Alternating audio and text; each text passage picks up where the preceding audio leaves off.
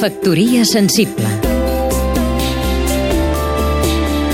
Jordi Coca, escriptor i doctor en arts escèniques. Dos grans teatres del nostre país, el Teatre Nacional de Catalunya i el Teatre Lliure, han anunciat que la propera temporada tindran companyies pròpies. Es tractarà de companyies formades per actors i actrius joves, però és un pas en la bona direcció. De fet, el Teatre Lliure, que el 1976 va marcar una fita indiscutible de la nostra història escènica, es va concebre a partir de l'estabilitat artística d'un equip humà dirigit per Fabià Puigcerver.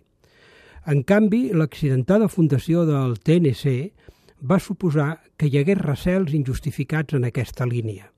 D'una banda, es veia la companyia estable com una despesa impossible de sostenir i de l'altra es temia que fos un privilegi per a un grup reduït d'actors. De fet, aquestes dues fal·làcies han impedit que es treballés amb l'estabilitat suficient per propiciar el progrés artístic. Han generat més despeses de les previstes i no han fet possible la programació en repertori que fidelitza el públic i permet una explotació més racional dels èxits i dels fracassos. Ara, en temps de dificultats econòmiques, Xavier Albertí, el nou director del TNC, i Lluís Pasqual, fundador i director del Lliure, han fet el pas i han trencat un dels tabús dels darrers anys. No es tracta de companyies, diguem-ne, oficials d'amb dos teatres, però tot i així que dos equips artístics formats per joves tingui una certa continuïtat sembla una garantia de futur.